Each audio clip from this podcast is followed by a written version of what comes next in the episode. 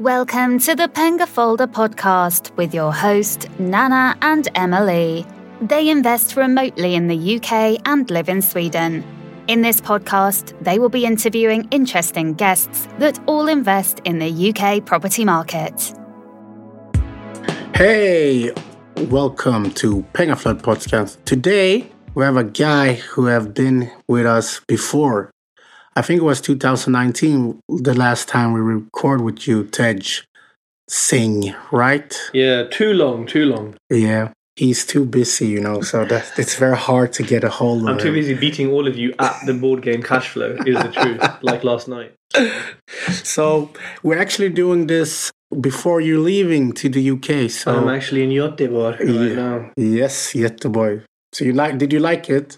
The food was crap. Yeah. Um, can someone speak to the Swedish government about the lack of salt and any any flavour in Göteborg food?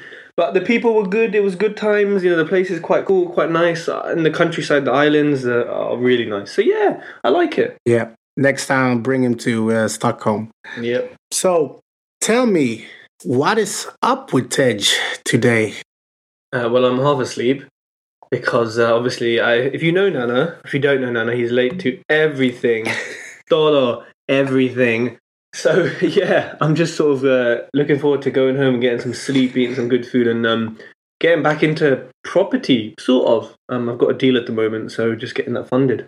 Yeah. So last time you were here, you were, uh, what I recall, you were did an amazing journey during those. What was it like six months or eight months? Yeah, nine months. I think the Yeah. push was yeah. Yeah, and you got like fourteen por- properties. So what was the biggest challenge? Um, phew. I think it would have been managing refurbs because, or just refurbs as a whole, because buying properties and finding them at the time was quite straightforward. It was quite easy compared to now, as we both know how, how difficult it is. That bit was quite easy. The legals, easy. And then I suppose the end of it, like refinancing, had its difficulties. It, there were challenges. If I was selling, it had its challenges. And tenants uh, generally have been okay but the middle bit, I suppose the most riskiest part, the people think that they can just, oh, we'll do a refurb. They did it on, you know, this TV show and, and yeah, we'll just do it. It'll be really easy. Is so, so hard. And managing at one point like four, five refurbs at one point, 200 miles away or like 250 kilometers away was just incredibly difficult because one, I didn't, I had no training in this. I didn't really know what I was doing, learning on the job. I didn't have a mentor. Yeah, I did have some people kind of guiding me, which was good. But there's a lot of trust there that you have to give someone, a lot of um, belief you have to put in someone else. And trying to do that, also just the, the actual physical, not physical, but just the, the doing, right? Which is like managing builders, managing deliveries, you know, making sure they're doing the right job, making sure that when they send a picture, everything behind the picture is just not done and it's just taken at a certain angle. So I think managing refurbs is something that, and especially people maybe listening in Sweden who are investing in the UK or other places, this is going to be your probably, in my opinion, your biggest biggest issue. Um, and I think people are really going to struggle with investing at a distance because of the refurb. You know, you, yeah, you can get someone to find deals, you can get someone to, but that thing, because of the nature, in my opinion, of builders and the nature of the construction industry, is very very difficult to manage that process even with the right things, you know, you've got a schedule of works, you've got a, a project management schedule, all this stuff, it can still be so, so hard. So, yeah, for me, that was probably the biggest challenge. And then with the refinancing, there were some challenges, like I said, because of, oh, this property value is below our minimum, or like, oh, we don't like your lending profile, or oh, you've got too many properties. I'm like, you're a landlord specialist lender, and you don't like landlords. So, when you get to that stage, and it may be different if, again for people in Sweden who are investing abroad with the rules and you know all the kind of lack of technology that we have in England, um, you know refinancing can be really difficult. So to avoid that, as soon as you get a deal, as soon as you look at a deal sources pack and you're semi-interested, text your broker. My broker is like the first step. Before I even analyze a deal, if it's a weird one, i.e., not a standard house in you know surrounded by houses, and it's like I'll text him and say, right, got these issues. Can we get lending? And you might say, oh, but I'm flipping the property. What does it matter? The person buying it off you is going to need lending. So to avoid that, always ask your broker first. Wow. And I do that, but I get stick from uh, Emily and other people. Like, why don't you do the due diligence? Because, I mean, if we don't get it at the green light from your broker, why, why, why is the concern Yeah, to and your just broker look at most it? times can tell you, like Shaz can tell me in like a second. Yeah. He just knows. So when your broker knows and you give them multiple business, they don't care. They're just like, no, because they don't want the headache of like, oh, how do I get you a mortgage now? Yeah. Yeah. Exactly. Okay. So you mentioned that you have uh, started doing flip in the beginning. Can you expand? Like, what are you doing? Uh, Like, Yeah. since so, last time, what are you doing? yeah. So I, I've built the portfolio. It's cash flow and it's it's pretty smooth. Um, I manage it myself, which is not much to do. I mean, this weekend or since I've been here in Göteborg, I spent 15 minutes managing it, if that, just a few texts, and that's quite common, you know. So it's fairly passive, as people say, and I like it in a sense that it pays for everything it needs to. I've got one service accommodation, like an Airbnb, and that fluctuates, but when it goes good, it goes good. So uh, that's quite a nice little bonus. So I think for me, when the market changed, it became even harder to find any kind of deal. Yeah. And a flip is an easier deal because on a like a BRR, you know, obviously which I've written my book about, you can get 75% back of the end value. Can you explain BRR for the new listeners? Please? So you buy a property, usually a, a shithole, it's in really bad condition, or it has a problem. You then fix that problem. Remember, you've bought this below market value, right? So you buy it, you fix the problem, you then get a mortgage on it at market value, which of course you've improved because it's what you've done. That then allows you to pull most, if not all, that's almost impossible in today's market, of your money back out. And once you pull that out, you've got no money left in the deal, or a very little money compared to, oh, I've got to leave in 25% of my deposit. Like it makes a really big difference on your return. And also, when you work with investors, you know, it kind of reduces the issues when you're paying them back. So that's what BRR is. Um, I did all of these and it was great, and we didn't leave in too much money and, you know, all that stuff. But then the market changed. And like I said there, you get 75% of the end value back on a remortgage or less or slightly more. With a sale, well, you get 100% because you're selling it at sale value. There's, there's no equity to be there. And so, in a tough market like this, where it's hard to secure things at the right price, you know, with a with a flip, I've got fat. I've got 25% of fat versus a you know BRR where I don't have that. And so I thought, well, let's flip strategy and let's do something that can, whilst we're in this market, and whilst I have a portfolio, and hey, I get a buy to let right now, I'm buying it, I'll keep it. But let's do some flips, let's generate some chunky cash, because who doesn't like that? And actually, you know, put it into things, and I'm sure we'll talk about that later, like crypto and other assets potentially that can kind of diversify the portfolio. But yeah, I, I like chunks of cash. Yeah, that's good that you just switch. You saw the issue and you switched. What has been the most different to what you expected? Oh, um, well, everything if you listen to some educational providers. um, you know, refinancing has been really different because a lot of people, you know, say, "Oh yeah, you just get a mortgage." Yeah, yeah, okay, done. I found it so difficult. I'm not. I'm not. I'm not a homeowner. I wasn't at the time either. I hadn't done property before. I had a minimal salary from my other business to be tax efficient. So people just didn't. Lenders didn't really like that for some reason, and you know my credit score was really good. And so even and then even when I bought properties, I pretty quickly became a portfolio landlord, which I don't like, which is very weird because their purpose is to serve us. That like that that's their business Yeah, so that was definitely different and something that I was like, what? Like, uh, how?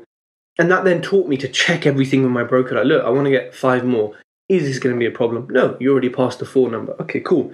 Like, just checking my general profile. Like, should I take more salary out? Should I do this? You know, what can we do to improve my chances? That was definitely different to what I expected. Even the refurb side was as well. You know, like I said, how difficult it was. I didn't know that. I I mean, I know builders are going to be difficult to work with. I just thought that there'd be some good human beings, which there are very few, who like it would just be a lot smoother, and that wasn't whatsoever. Raising money was easier than I thought. I think we all think, well, who's going to give me money? I don't have experience. I don't, do, you know, like I'm just me, and I'm stuck. And I suppose I kind of thought that as well. And then it happened, and it happened, and it happens, and it and you look at it and you're like, well, that's pretty cool. That was way different to kind of what I suppose I thought was going to happen. I think those are probably the main things, you know. I think because I prepared to an extent by reading, by listening to podcasts, by going to networking events, just, you know, like you are engrossing myself in, in the business and the community, I then, I suppose, wasn't surprised by too much.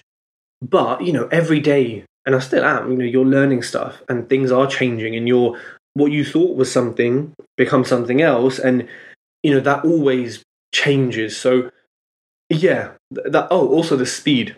I mean, I, I thought property was slow, but, and the technology, but, and I did not realize how slow it is.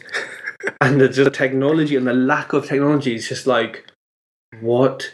So, those are some things that I think were different to what I expected. Yeah. So you you mentioned uh, about the refinance part that it wasn't like well, what people say.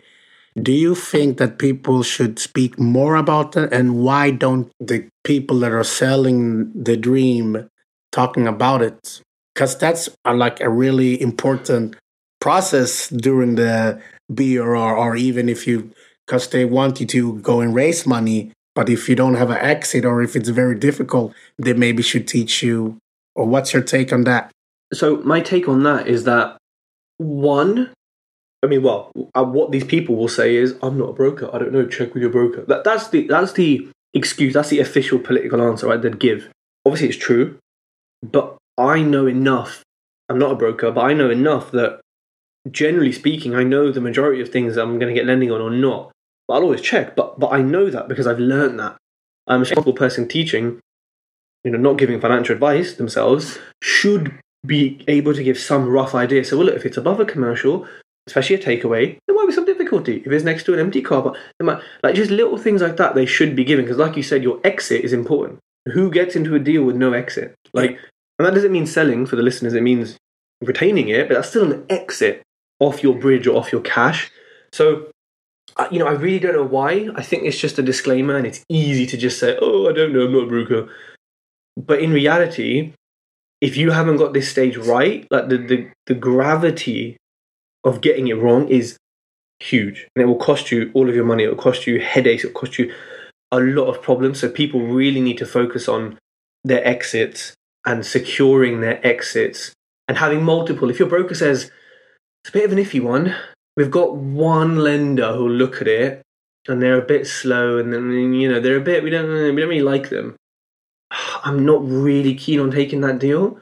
I need three you know i need three of them and one of them to be decent. Yeah. Okay. That's a good answer so you mentioned last time when you were here that you didn't believe in profit courses what do you think about it today it's it's kind of the same. I think the my the single answer is I don't believe in bad property courses now, because I think when I first did that, I didn't make a loss. Like I made a six and a half thousand pound loss on one of my flips. Um, I had to flip a property that I didn't want to. I wanted to keep.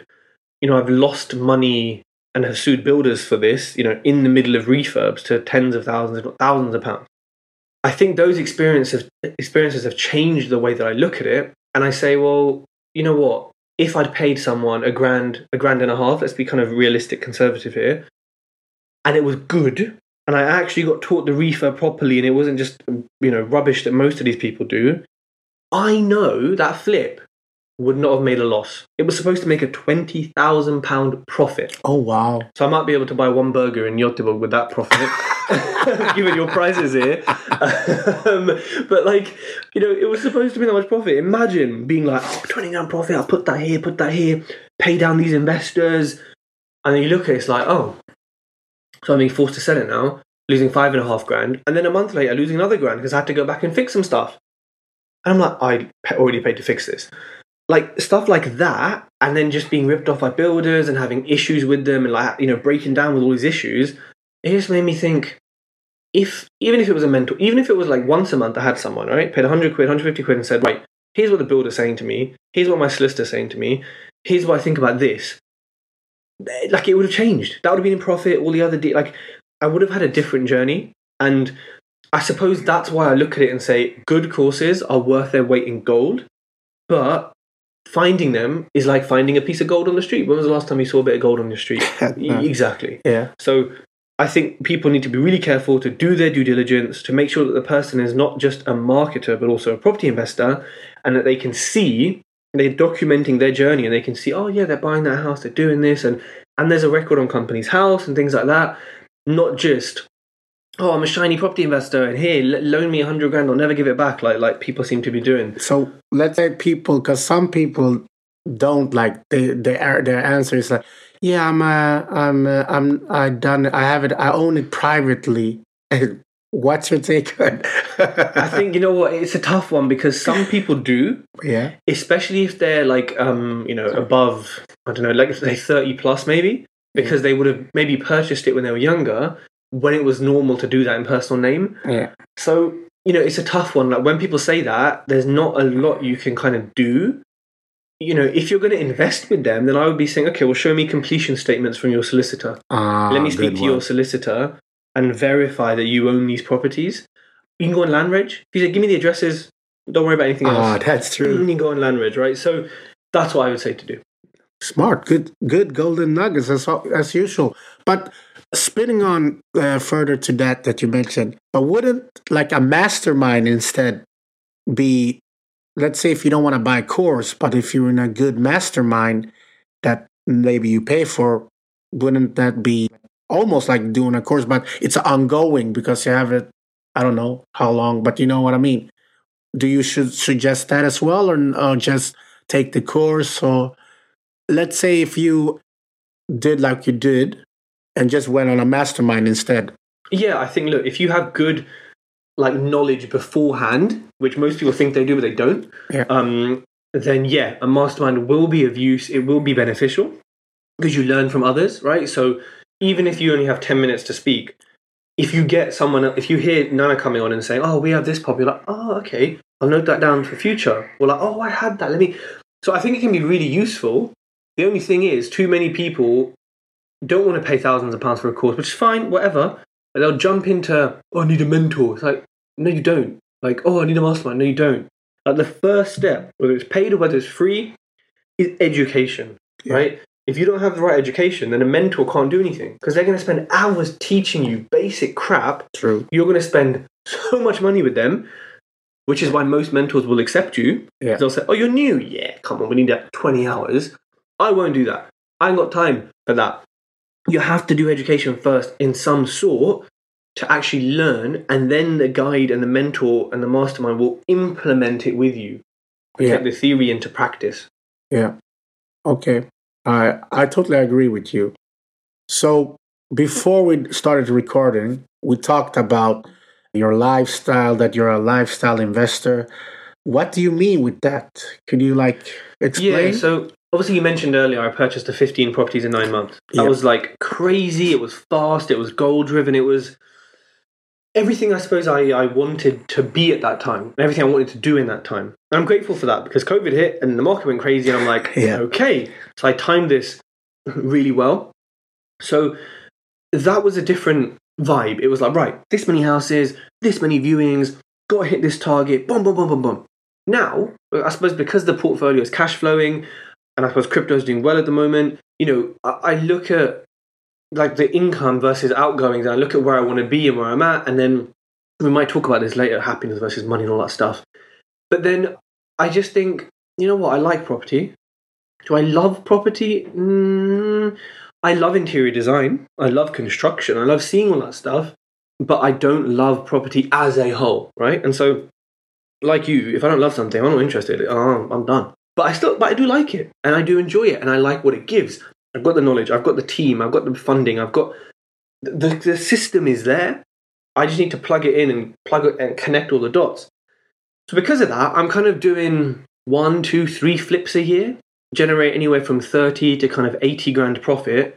You do two or three of them a year, you know, you yes, ball you- Exactly. I mean, you know, you're not living like a mad, mad, lavish lifestyle, but you've got more than enough in a Western society to live a very good life. Yeah. And if you invest that further and make it more, then you know we, we're good. So that's kind of the position I'm at right now, and I'm trying to do these refurbs hands off by using my really, really good build team. So it's a big up Craig for that. And then I'm trying to, I suppose, make that more like a side hustle. But I'm still in property and I'm still doing it. But the kind of flips and managing it, which is not my strength, the refurb, will be a side hustle. And I'm focusing on right now crypto. Um, I'm looking to buy like an MOT car garage, got like a moisturizing business I want to launch, like a restaurant.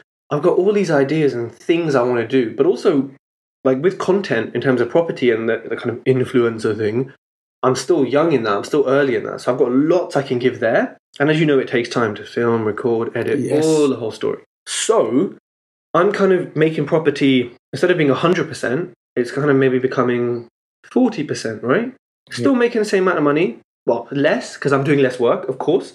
Project manager's got to take a cut. You know, outsourcing's got to take a cut. But it gives me time Yeah. and it gives me mental clarity and mental space to do other stuff that I like. And to, for people, this is okay. You don't have to have a portfolio to do what I'm doing. If you have a job that you like, or you want to like, or you, your retirement plan in ten years, you know, or you just like other stuff, you can be like a lifestyle developer, a lifestyle investor. You don't have to be like everyone on Instagram, like, yo, I woke up today at 4 a.m., got 10 goals, I'm like a shark, I'm buying everyone, and then, you know, oh, oh Grant Cardone said I had to do this, and it's like, just do what you want. Like, that's the vibe I'm on. Yeah, I totally agree with you. You should do what you want. I know you're great with branding, so I want to ask you. I heard people say that if you buy 10,000 followers on Instagram, you get 10,000 real one. Is that true? Nope, absolute rubbish. There's some people selling followers, and there's some. Most of them are like robots and you know things from overseas, just like you know, like buy buy all these um, likes and stuff. Some are doing it in the UK. You know who you are, you lot of dickheads. Um, like it's it, it, it's pointless because okay, you know what? It's not pointless because society is dumb. Yeah, society sees the 10k followers, doesn't realize that if you look at the like ratio and just a comment, you can work it out really quickly if it's a fake following. Some people are better than others. Can you like do an expl- uh, like Yeah, so if you look at someone's account and they've got 25,000 followers, but their pictures are getting 30, 40 likes, 50, 60, maybe even 100, and their videos, the videos are a good clue, are getting like no views or such little views, and there's like no comments, and there's no actual engagement with people, is probably a fake Yeah. account. So, you know, but society are dumb, they believe it, and they say, oh my god, 25, and they're selling a course. Oh, well, there, there must be ri- just dumb, shallow. Yeah. Um, so it works, right? Crime pays, like it works. They make money. They probably make more money than honest people, right? yeah, That's why people do it. But if you're an honest person, I'm sure your listeners are. There's no point. It doesn't help anyone. It's a waste of time. It's a waste of buying it. It makes you look dumb. I, I just laugh at people who like that, and I won't take them seriously. You'll never come on my podcast if you've got fake followers. That's a fact. Never. Yeah. I won't even chat to you. I just don't want to chat to you. yeah. I totally agree with you. It- it's good that uh, Instagram is helping them with this blocking the likes. Oh, exactly. Yeah, make it even worse. yeah. So we know that you read a lot of Stoicism. hmm How does that fit in with money and cash flow? So Stoicism, yeah, it's an interesting one because I suppose there were arguments because Marcus Aurelius was a king, so he was rich. Seneca was rich. Epictetus wasn't, but like. I think for me, right, and this is a really, uh, you know, I was talking about this with our friend D ages ago on Clubhouse. Remember Clubhouse? Yeah, yeah, yeah. What happened with that? Yeah, what happened is exactly what we thought. Um, and like, there's a real fine balance between chasing money and chasing materialistic things or wanting money, but then also wanting contentment and happiness. And like we went for our walk yesterday on, on Öckerö, like that kind of that is like contentment. That's nothing to do with money. It was free to get. I mean, you need to cover the petrol and have a car, but you know, generally speaking, it's free to get there. And that for me is like a pure contentment, peaceful, spiritual, whatever experience. But then I still like having a certain car. I still like wearing certain clothes. I still like having, you know, a nice, like whatever it is. And I think it's a balance between getting caught up and chasing that. So I only bought a new computer after seven or eight years because my other one was just too slow. I wasn't chasing the new computer. I wasn't like, oh, I need a new computer. That property, uh, get me this, and then, oh, computer, computer. But like, when I get it, I'll be happy. So the way I assign emotion or feeling to something, I suppose splits that difference. Where some people will say, oh, when I get the new MacBook, I'll be really happy. When I get a new car, everyone's going to look at me and I'll be, oh, yeah, I'll be really cool. I'll be really happy then. it's like changing how you perceive and how you receive things in your life. You can absolutely be a stoic and be filthy rich. But you can. It's how you perceive it and how you talk about it. And a lot of people don't have that balance. It's like, oh, I've quit my job, I get all this money, and then you're still unhappy. You're rich, you're crying in a Lamborghini, which is nice, nice leather to cry on, but like you're still sad. You're still the same person. You still feel the same. So, yeah, I think a lot of people should read some Stoicism. Ryan Holiday's got incredible books on it. And just think about how they're thinking about things and how they perceive the world around them.